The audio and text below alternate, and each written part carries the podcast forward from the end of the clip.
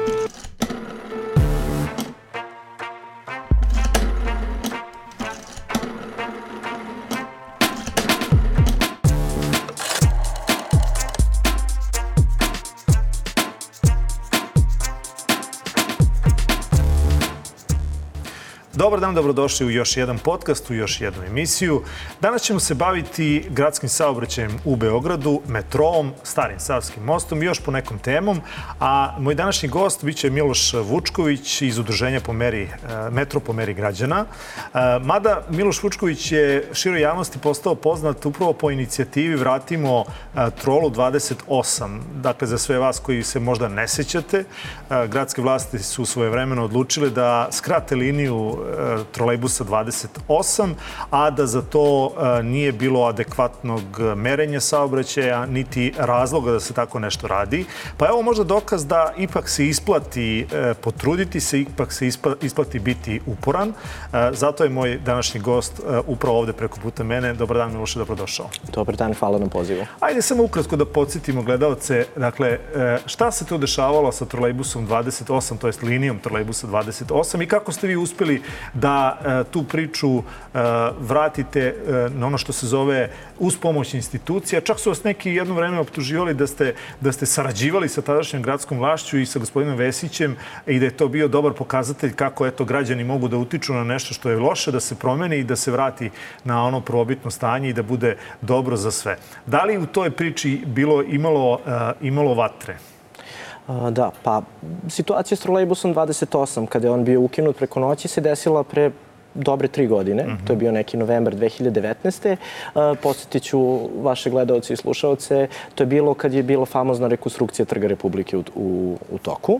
A, zbog radove na Trgu Republike trolejbusi nisu uopšte funkcionisali, ali privremeno preko Trga Republike.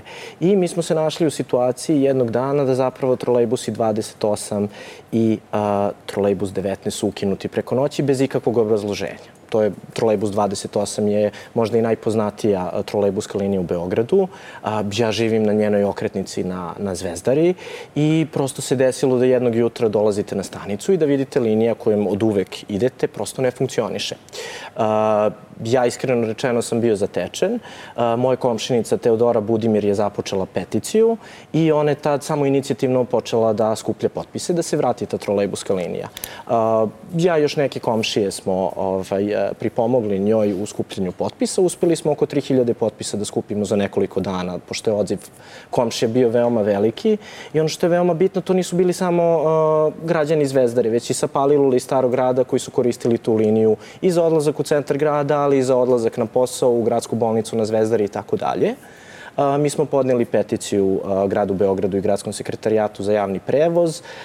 Nismo dobili nikakav pozitivan odgovor naišli smo na zid ćutanja. Čak smo došli do situacije da su neki, da kažemo, tabloidi govorili da smo mi razmaženi, da mi nećemo da presedamo, da postoje druge alternative i da zapravo to mora tako da se uradi, da ta linija nije rentabilna i tako dalje. Ovde smo mi razmišljali šta možemo da uradimo, jer vi ste suočeni sa sistemom koji neće da priča sa vama, neće da vam da logično objašnjenje, već samo eto na neki način vas ignoriše. I onda smo odlučili da zapravo uh, učinimo inovativni protest uh, tako što smo u Čingrinoj ulici e, prelazili pešački prelaz na, na stotinak. I to je vremenom išlo da smo mi ovaj, pravili druge proteste, čak smo se našli u situaciji da smo prisustovali sednice Skupštine opštine Zvezdara, uh, gde tadašnja opštinska vlast nije htela uopšte temu trolejbusa 28 da stavi na dnevni red i ja sam tu imao, da kažem, neprijetnu situaciju da sam čak dobio pri izlasku iz zgrade opštine Zvezdara u holu zgrade udarac u glavu od NN lica.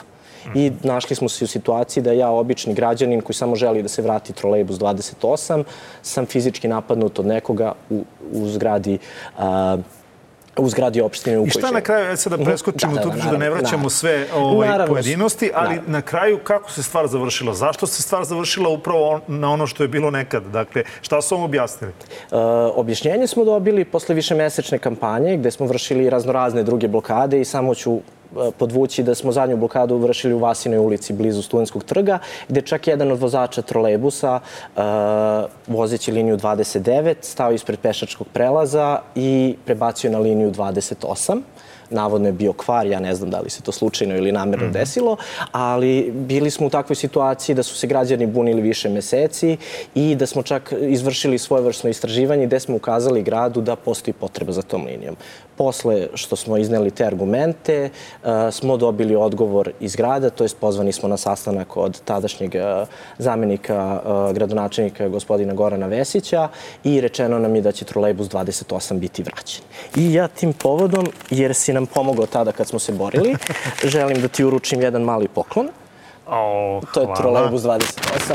Da, bio jesam tamo Da, u Jaše Prodanovića kad si puno. Nema na dakle, čemu. eto dokaza dakle, da zajednički zaista možemo, ukoliko uh, izvršimo dobar pritisak i na adekvatan način, potpomognu sa svim, sa svom papirologom koja je neophodna, ali ovde ja mislim da je ključna reč uh, upornost. Da li ta upornost može da uh, rezultuje nečim što je uh, ispravni podaci o tome zašto u Beogradu, ako ja dobro imam informaciju, od 2019. godine do danas nije nabavljen ni jedan novi trolejbus.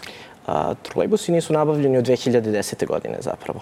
Znači, to Zar nije je... bilo neke rekonstrukcije? Bile su rekonstrukcije, ali uh, tek posle našeg, da kažemo, akcije i vraćanja trolejbusa 28 došli smo u situaciju da je grad shvatio da mora da obnavlja trolejbuse, kao što kupuje autobuse i tramvaje, da mora i trolejbuse da kupuje. Uh, prošle godine je bio tender koji, nažalost, nije prošao jer su znatno poskupili zbog energetske krize trolejbusi. Uh, ono što je sada problem je što se sledeće nedelje usvaja budžet grada Beograda. U njemu uopšte nije predviđeno nabavljanje niti trolejbusa, niti bilo kojih drugih vozila za gradski saobraćaj. I mi ćemo kao udruženje Vratimo trolu 28 boriti se da se nabave novi trolejbusi jer smatramo da su trolejbusi i ekološka i veoma efikasna vozila i da trebaju da nastave da voze beogradskim ulicama. Kad pominjete trolejbuse, možda e, kao jedan plus ovoj čitavoj priči je i stanje beogradskih autobusa. Vrlo često izbacujete skoro svakodnevno tweetove sa videomaterijalom gde pokazujete u kakvom su stanju beogradski autobusi, pa u kakvom su zaista stanju, čime se to voze građani Beograda? Da, pa suštinski u Beogradu imamo situaciju da na nekim linijama zaista praktično da nema nikakvih nedostataka vozila, ali imamo situacije recimo da često ne rade display. To možda ljudima izgleda kao estetska stvar, ali stariji građani, pogotovo uveče, ne mogu da vide u koju liniju ulaze i za kojom trče i zapravo se desi čak neki stari ljudi da ponekad uđu u pogrešan ovaj autobus. Ono što je često kvar je recimo da vozila se puste sa uh, ili neispravnim farom ili neispravnim vratima. Evo recimo vi ste na zelenom vencu, dolazi 16-ica u tri popodne, ljudi se vraćaju s posla, jedna vrata ne rade čak i sva vrata da rade, autobus koji ima neispravna jedna vrata već, već je smanjen i kapacitet i udobnost i onda se ni ne začudimo zašto dobar deo građana uopšte neće da plaća iz nekog svojevrsnog bunta nezadovoljstva kvalitetom prevoza, ne želi ni da plaća ovaj, a, gradski prevoz. Znači, često su ti kvarovi u principu a, zanimaju se to. Uglavnom su to ta, da kažemo, vrata, display. A... Ali snimili ste jedan autobus na liniji 500 i neki broj, ne mogu da se setim. 511, da. Bez, bez uh, stakla pozadi, je li tako? To je na liniji 511, to je vozilo privatnog prevoznika. Ja to nisam snimio, ali sticam okolnosti jer došlo sam aktivan na Twitteru, došlo je do mene. To vozilo je pre nedelju dve dana, negde kod, pošto ide iz Sremčice do Beograda na vodi, negde kod mosta na Adi saobraćalo puno putnika i nije imalo zadnje staklo, što je apsolutno nedozvoljeno i nije u skladu sa zakonom o bezbednosti saobraćaja. I to je bilo zaista frapantno da privatni prevoznik, kome grad Beograd uh, pružio mogućnost na osnovu javno-privatnog partnerstva da vrši uslugu javnog prevoza umesto GSP-a, nije uopšte ovaj, iskontrolisao vozilo. Jer svakako vozač je mogao primetiti u bilo kom trenutku da je to vozilo neispravno i da je opasno za putnike jer se može desiti, ne di Bože, da neko ispadne i povredi se. Pri svim tim tehničkim nedostacima, vozač bi morao, je tako, da isključi to vozilo iz saobraćaja, to je da kaže ovo vozilo više nije ispravno. Nebitno da li je to display, da li su to vrata, da li to ne radi klima leti ili grejanje zimi a, i da kaže, poštovani putnici, doći će zamensko vozilo. Mislim, kad dođe, u suštini. To je ono što bi trebalo. Da li takav jedan putnik e, uopšte mora da plati kartu? suštinski. Sticam okolnosti sam radio u udruženju potrošača, pa mogu se malo osvrnuti na to. Vi uvek plaćate uslugu, to jest dužni ste da platite uslugu, a vi se možete žaliti na nju i reklamirati. Ali jedno je kad vi kupite veš mašinu u prodavnici i ona recimo cepa veš ili, ili je malo oštećena pri isporuci, a drugo je kada vi koristite uslugu javnog prevoza. Problem je na koji način vi to možete da reklamirate. A i problem je sledeći. Uh, ako je taj autobus neispravan, vi žurite na posao, on će se isključiti uh, sa linije, ali kad će za 10, 15, 20 minuta stići sledeći autobus. I onda se nalazimo u situaciji da svakako građani će biti nezadovoljni ako se isključi autobus. Ali ono što je veliki problem, evo recimo, uh, ja sam slikao pre nekoliko nedelja liniju 38L, koji ide do glavne železničke stanice Prokop od e, pogona Kosma. Jedna vrata zadnja nisu bila ispravna. I meni drug šalje juče, posle dve nedelje, isti taj autobus, jer postoji garažni broj, mm -hmm. dve nedelje već ne rade e, vrata autobusa. To je vozilo GSP. Znači, svakako ti problemi se ne rešavaju na dnevnom nivou i GSP i privatni prevoznici uh, nisu ažurni u tome, a Moje mišljenje je da je to jer grad, to je sekretarija za javni prevoz, dovoljno ne kontroliše izvršioca usluga, to jest one koji su dužni da vrš, pruže vrhunsku uslugu građanima Beograda koji plaćaju. Da ne bi bilo samo da je tu vozač krivac. Dakle, on je možda poslednji u, u, u lancu odgovornosti. On sigurno čovjek to i kaže pretpostavljanima, a onda oni nehaju za, za, to, za tu njegovu primetbu. Dakle, ko je tu sve odgovoran? Od onog, nemoguće da na okretnici onaj ko kontroliše otpravnik, otpravnik e, autobusa da ne vidi tako nešto. Dakle, e, sem otpravnika poslova, sem vozača, ko je tu još odgovoran? To vozilo apsolutno nije ispravno i, ne, i ulazi neispravno u saobraćaj. Uh, u principu vozač pri početku smene dužan da, da izvrši osnovnu, da kažemo, vizualnu kontrolu vozila i da proveri da li su sve funkcije uh, valjane. Svakako može primetiti ako su vrata neispravne ili ako mu fali uh, zadnje staklo, ali tu svakako postoji i, uh, i majstori koji rade u pogonima i koji su dužni da popravljaju ta vozila. To jeste veliki problem zato što i pri GSP-u, što je evidentno, ali kod privatnika ta kontrola nije baš najsjajnija i dolazimo do tih situacija, recimo da je u poslednjih mesec dana isti prevoznik koji je vozio taj 511 famozni, je imao dve situacije da su otpali točkovi sa autobusa. Ko je taj prevoznik?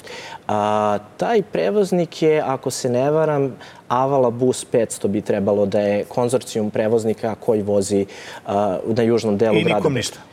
Koliko ja znam, nikom ništa, postavljene su fotografije na Twitter i ono što je veoma bitno, ako točak otpadne autobusa, on može da ubije nekoga na sreću.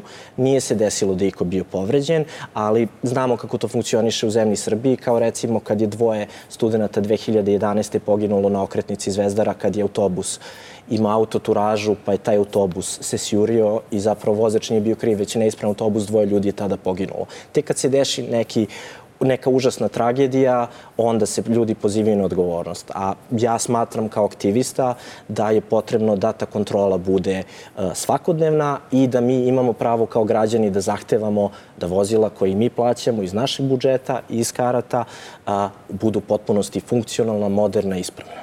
Recept za povećanje naplate u gradskom prevozu traže mnogi. Ja mislim da se on traži u poslednjih 30 godina, ali mislim takođe da oni idu od potpuno pogrešne premise, a to je da daj najpre pruži uslugu kvalitetnu, pa će onda ljudi videti da to jeste kvalitetna usluga, da taj zamenski autobus će stići u roku od 5 minuta, kao što to možete videti u bilo kom evropskom gradu, da na terminu, terminusima gde se autobusi okreću uvek stoji jedno vozilo koje je rezervno vozilo, pa kad neko, neko od tih vozila ispadne iz saobraćaja, ono se odmah šalje na, da, da bude zamensko vozilo.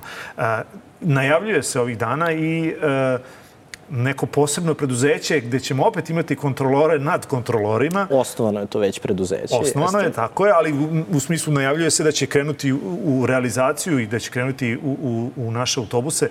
A, pa ima li recepta Dakle, šta je zaista recept da, da građani plaćaju e, gradski prevoz? I negde sam, e, mislim, čak i jedan od gostiju u ovoj emisiji je rekao da se samo 30%, e, 30% e, od naplate je stanje za finansiranje gradskog saobraćajnog preduzeća, to jest javnog prevoza u Beogradu. Sve ovo ostalo i onako ide iz budžeta građana Beograda. I subvencije zapravo iz budžeta grada Beograda, tako je. Ja moram podvući da sam aktivista, nisam saobraćajni stručnjak niti ekonomski, ali kao neko koji ceo život koristi gradski prevoz. Su vam ti građani, recimo, kad ste pravili te ankete uh -huh. za 28-micu, jesu li vam građani rekli, pa mi ćemo plaćati, nema problema, mi ćemo plaćati, ali dajte najpre ovo i ono uraditi. Dakle, šta vam građani kažu? Građani najviše su zainteresovani da se red vožnje poštuje. Pogotovo ako vi ne živite, da kažemo, negde gde možete za 15-20 minuta stići do centra grada. Već evo, upravo da taj 511 koji ide iz Sremčice, kome nisam siguran na pamet, ali treba sigurno 40 minuta ili koliko do Beograda na vodi, pa vi još dalje trebate da pešačite ili presedate. To je skoro međugradski autobus u pitanju i njima je najvažnije da oni znaju kad je polazak i da mogu da se oslone i da uh, zapravo mogu da stignu na uh, očekivano vreme. Građanima je znači, najbitnije da su vozila tačna, ispravna, čista, da imaju grejanje i hlađenje kada treba, ne da se leti kuvaju, a zimi smrzavaju.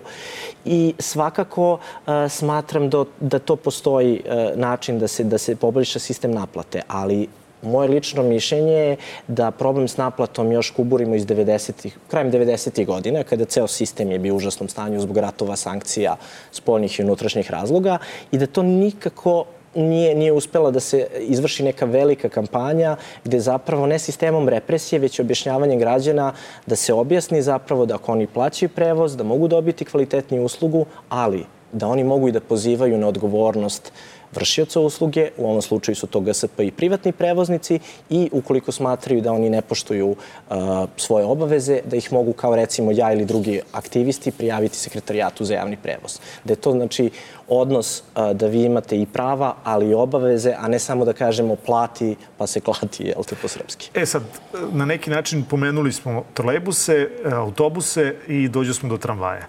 Zašto tramvaji? Zato što je aktuelno sada priča oko starog tramvajskog mosta. Pa ajde u, u jednom pitanju, ako to tako možemo da sublimiramo, šta se e, sada trenutno dešava i sa tramvajima i sa starim tramvajskim mostom? Hoće li ova ideja da on bude e, srušen, e, da, da zaživi? Hoće li ona e, zaista, ili će i tu aktivizam kao onaj aktivizam koji je bio za Trolu 28 uroditi plodom? Prvo se moramo graditi i reći da je ovo moj lični stav, ne udruženja kojim, kojim pripadam. A, problem kod starog tramvajskog mosta je što on još od 60. godine bilo planirano da se ukloni ili da se od ostane da bude za pešačko-biciklistički saobraćaj i da se 80 metara uzvodno njega napravi novi metro most. Faktički, planirano već 50 godina da se pravi novi most jer je taj privremeni i da on bude za metro. Konstantno je bila priča tada 70. godina kad je bilo zlatno doba Beograda, kad je Gazela pravljena, Brankov most proširivan, Terazijski tunel građen i tako dalje. Kada budemo pravili metro, pravit ćemo novi most koji za automobile i za prelazak Save, što je logično. Nažalost, nismo nikad doživeli da se gradi metro, još uvek, i došli smo u situaciju da je taj most stajao. A, čak 97. kad je e, Zoran Đinđić bio kratko vreme gradonačelnik, čak i on hteo da se gradi taj e, metro most 80 metara uzvodno starog tramvajskog mosta bez da se ruši ili uništava taj most. Ovo što pominjete, to je analiza, e, poslali ste mi tu analizu, pa će gledalci imati prilike i to da vide, čovjeka koji je imao čitav projekat o, o tome.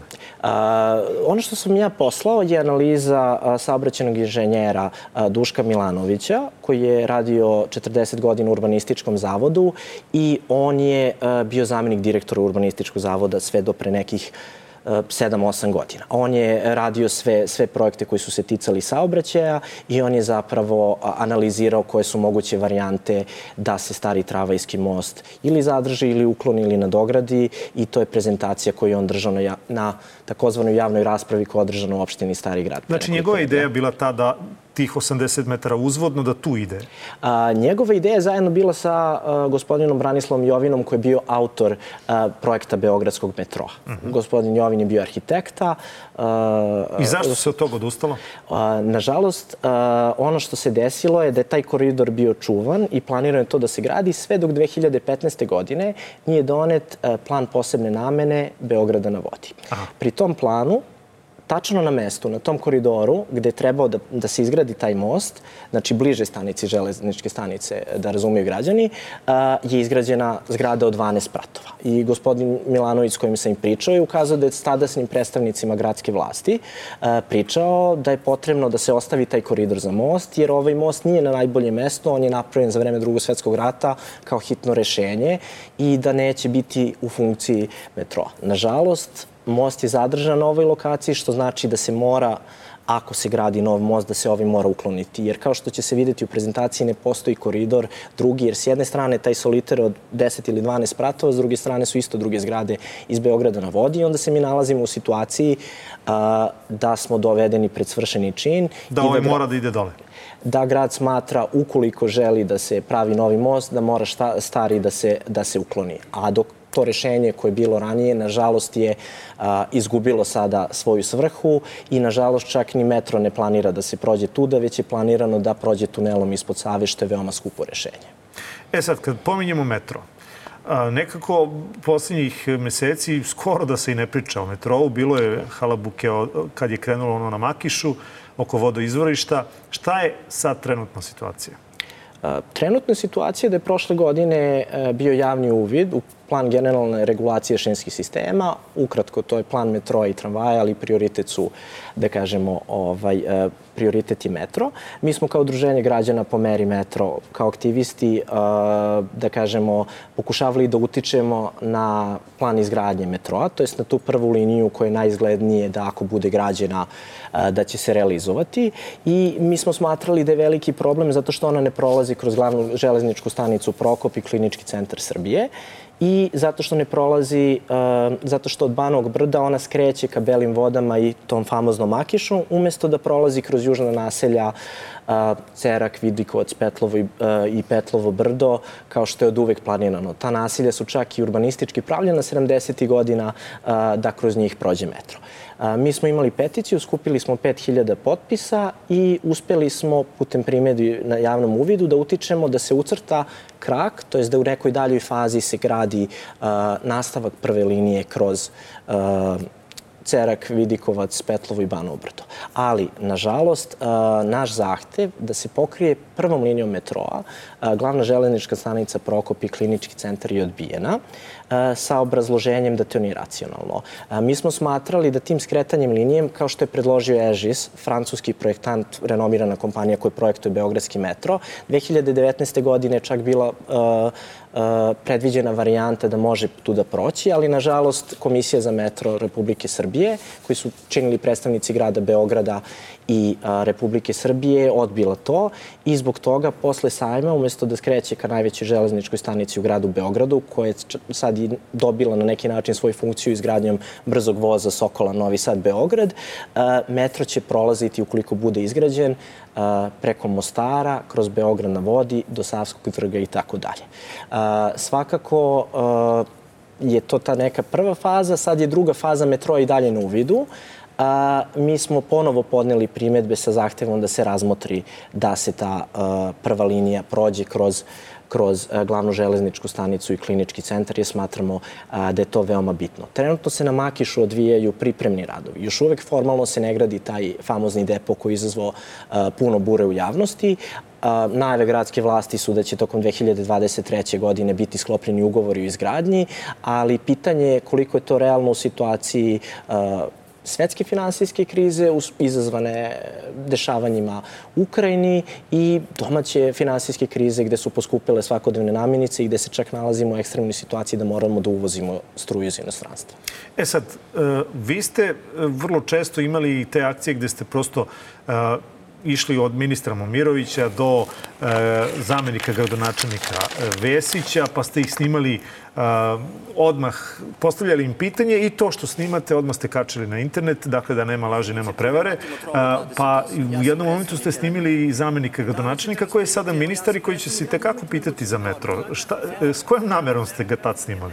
A, tada sam ga snimao pre dobre tri godine na otvaranju a, rekonstruisane Palilulske pijace, jer nismo dobijali nikakve odgovore od grada Beograda. Ja sam, jer sam imao kontakte, saznao da će gospodin Vesić biti tamo, uspeo sam da uđem, sačekao sam da mediji snimaju i onda sam snimajući live na Facebooku našeg udruženja Vratimo trolu, pitao gospodina Vesića šta se dešava s peticijom građana i šta će učiniti. On je tad bio zbunjen, što će videti a, vaši gledalci u snimku i nije mogao ništa drugo, već da kaže da će nas primiti gradski sekretar za javni prevoz i tako smo na neki način a, putem, da kažemo, oka javnosti uspeli da, a, da dođemo do nekog odgovora grada, jer smo, kao što sam rekao, našli na Tad vas je primio, tako, gradski sekretar? E, gradski sekretar nas je primio tek posle mesec, dva dana, bili su i neki protesti, otvaranje spomenika Troli 28 na Stojenskom trgu, ali glavno je da smo uspeli da napravimo neku pukotinu u tom zidu ćutanja i što kažu tiha voda Bregroni, uspeli smo na kraju da se izborimo za to, ali verujte nije bilo lako. Mislite li da ćete se uspeti izboriti za ovo što tražite vezano za metro? A, mis... Ako ste toliko protestovali zbog 28. koja je u odnosu na metro mali problem, veliki za ono ko putuje 28-icom svakako, ali za Beograđane u globalu je to nešto što je eto, samo jedan od problema u gradu Beogradu. A, koliko ošte vlast ima sluha da čuje zaista potrebe građana? Da. Pa vidite, što se tiče trolejbusa 28, a, tu je veoma lako. Postoji neka linija prevoza koja vas vodi od centra grada, jednog dana je nema. To je kratko problem, vidite, ja ne mogu da dođem brzo i lako do centra grada, neko je meni nešto oduzeo metro u Beogradu nije izgrađen još u 60. godina kad je planirao. Kako, ni šta ne znaju da ni kako, ni šta priče od izbora do izbora mm -hmm. i prosto uh, ne veruju građani u to. Jer da se ne lažemo, imali smo bez, bezbroj situacija predizbornih, čak smo imali situaciju da su bile deljene neke karte za metro, zato sam prošle godine uh, tadašnjem ministru uh, Momiroviću dao kartu otkazanu za metro ka uh, stanici Prokop i kliničkom centrom. Ovo putem dajem tebi. Da, da, evo, otkazao je kartu Miroviću. Ali e, imali smo mi, sećate se, Jaju Jung koja je kupovala karte za metro. Jeste, to je bilo 2018. ako se ne varam. Tad su, tad, tad su evo, se... Imamo goste. Ovaj, e, tad su se ovaj, vozili autobusu za Mirjevo i to je bio predstavljen ovaj, kao metro. Svakako, metro je veoma, veoma politička, da kažemo, stvar, jer se radi o najvećoj investiciji za grad od više milijardi eura. Ono što smo mi insistirali u udruženju po meri metro, a to nismo isti ljudi, možda se ja tu pojavljujem jer sam aktivista i to radim zaista u svoje slobodno vreme i nemam nikakvi finansijski interes od toga. Uh, ideja je da se ovako bitnim temima, temama govori s građanima, da i institucija javnog uvida ne bude u podrumu gradske uprave gde kreće neki majstori ili je bačeno iza nekih stolova, već da građani imaju mogućnost da odu i pričaju sa inženjerima koji su projektovali te trase, koji planiraju njihove i gradove i ulice i da mogu da diskutuju tome. I naša ideja je bila da stručnjaci zapravo diskutuju rešenjima. Jer to rešenje kroz Prokop i klinički centar nismo mi izmislili. To je predlog bio francuskih inženjera koji su, koji su zapravo projektuju Beogradski metro. Projektovali su i oni prethodni plan 2012. koji nije ostvaren, a u ranom javnom uvidu za taj plan generalne regulacije šinskih sistema, to je metroa, ta varijanta je bila ucrtana, a jedan od autora je upravo bio uh, taj saobraćeni inženjer u penziji, gospodin Duško Milanović. Znači, nismo mi sedeli u sobi, nas nekoliko i rekli hajde da se igramo, crtamo, bilo bi lepo, već je zapravo na neki način taj aktivizam u stvari mogućnost da se čuje i glas struke. Kad pominjete aktivizam, ovo se snima utorkom, četvrtkom uh, se emituje, pa uh, za četvrtak je najavljena jedna bitna sednica. Dakle, šta su sledeće akcije? U četvrtak to je danas kada bude emitovana emisija, je sednic, javna sednica Komisije za planove grada Beograda za fazu dva plana tih šinskih sistema.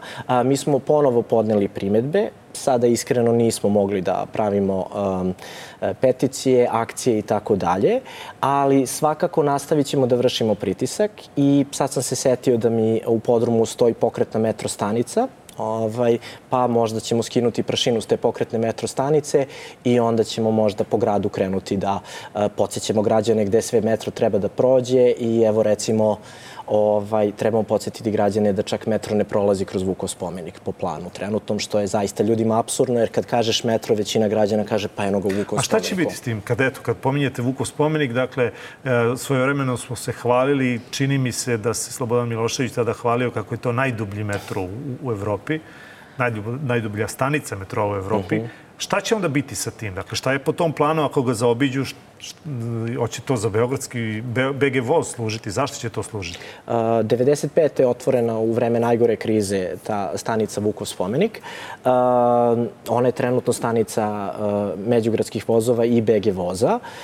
Ona svakako ima svoju funkciju, ali nije dovoljno iskorišćena. Ono što malo građani znaju je da iza onog bakroreza, kad se spusti ispod bulevara, stoji zapravo peron od stotinak metara koji je spreman za metro. Jer je metro po svim planovima iz 70. godina, kao što i preko tog novog metro mosta 80 metara uzvodno od tramvajskog, planirano je od uvek da metro ide od Ustaničke do Cvetkog pijace, bulevarom, dalje do Pravnog fakulteta, Trga Nikole Pašića, Trga Republike i tako dalje. Ukoliko bude građeno po ovom planu, mi ćemo se naći u situaciji da će to biti najskuplja stanica prigradske železnice koja zaista ne znam koliko stotina miliona dolara, to jest eura je koštala i neće imati svoju punu funkciju.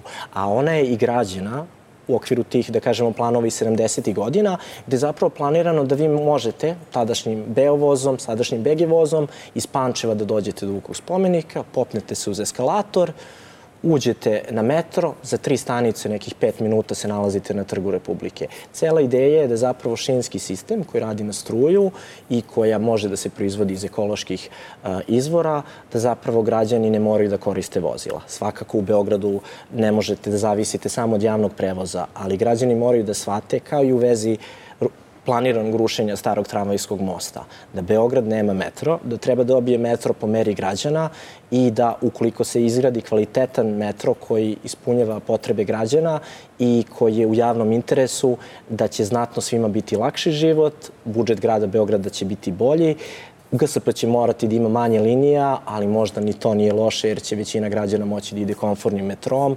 ali za to mora postojati javna diskusija, a ne da se to, da kažemo, na neki način rešava iza zatvorenih vrata i da se poziva da to rade neki francuzi koji su veoma stručni i da građani prosto ne smeju i ne mogu da se pitaju. I evo samo za kraj, dakle, Naravno. to mi je malo ostalo nerazjašnjeno u potpunosti. Vi rekoste da po ovom sadašnjem planu stari tramvajski most će morati da se ruši, jer drugog mesta nemaju da stave most za metro. Da li to znači da vi onda ste svesni toga i da, da je ta uzaludna priča da će građani svojim telima da brane rušenje starog tramvajskog mosta ili tu postoji neko solomonsko rešenje? Dakle, hoćete li vi biti tamo?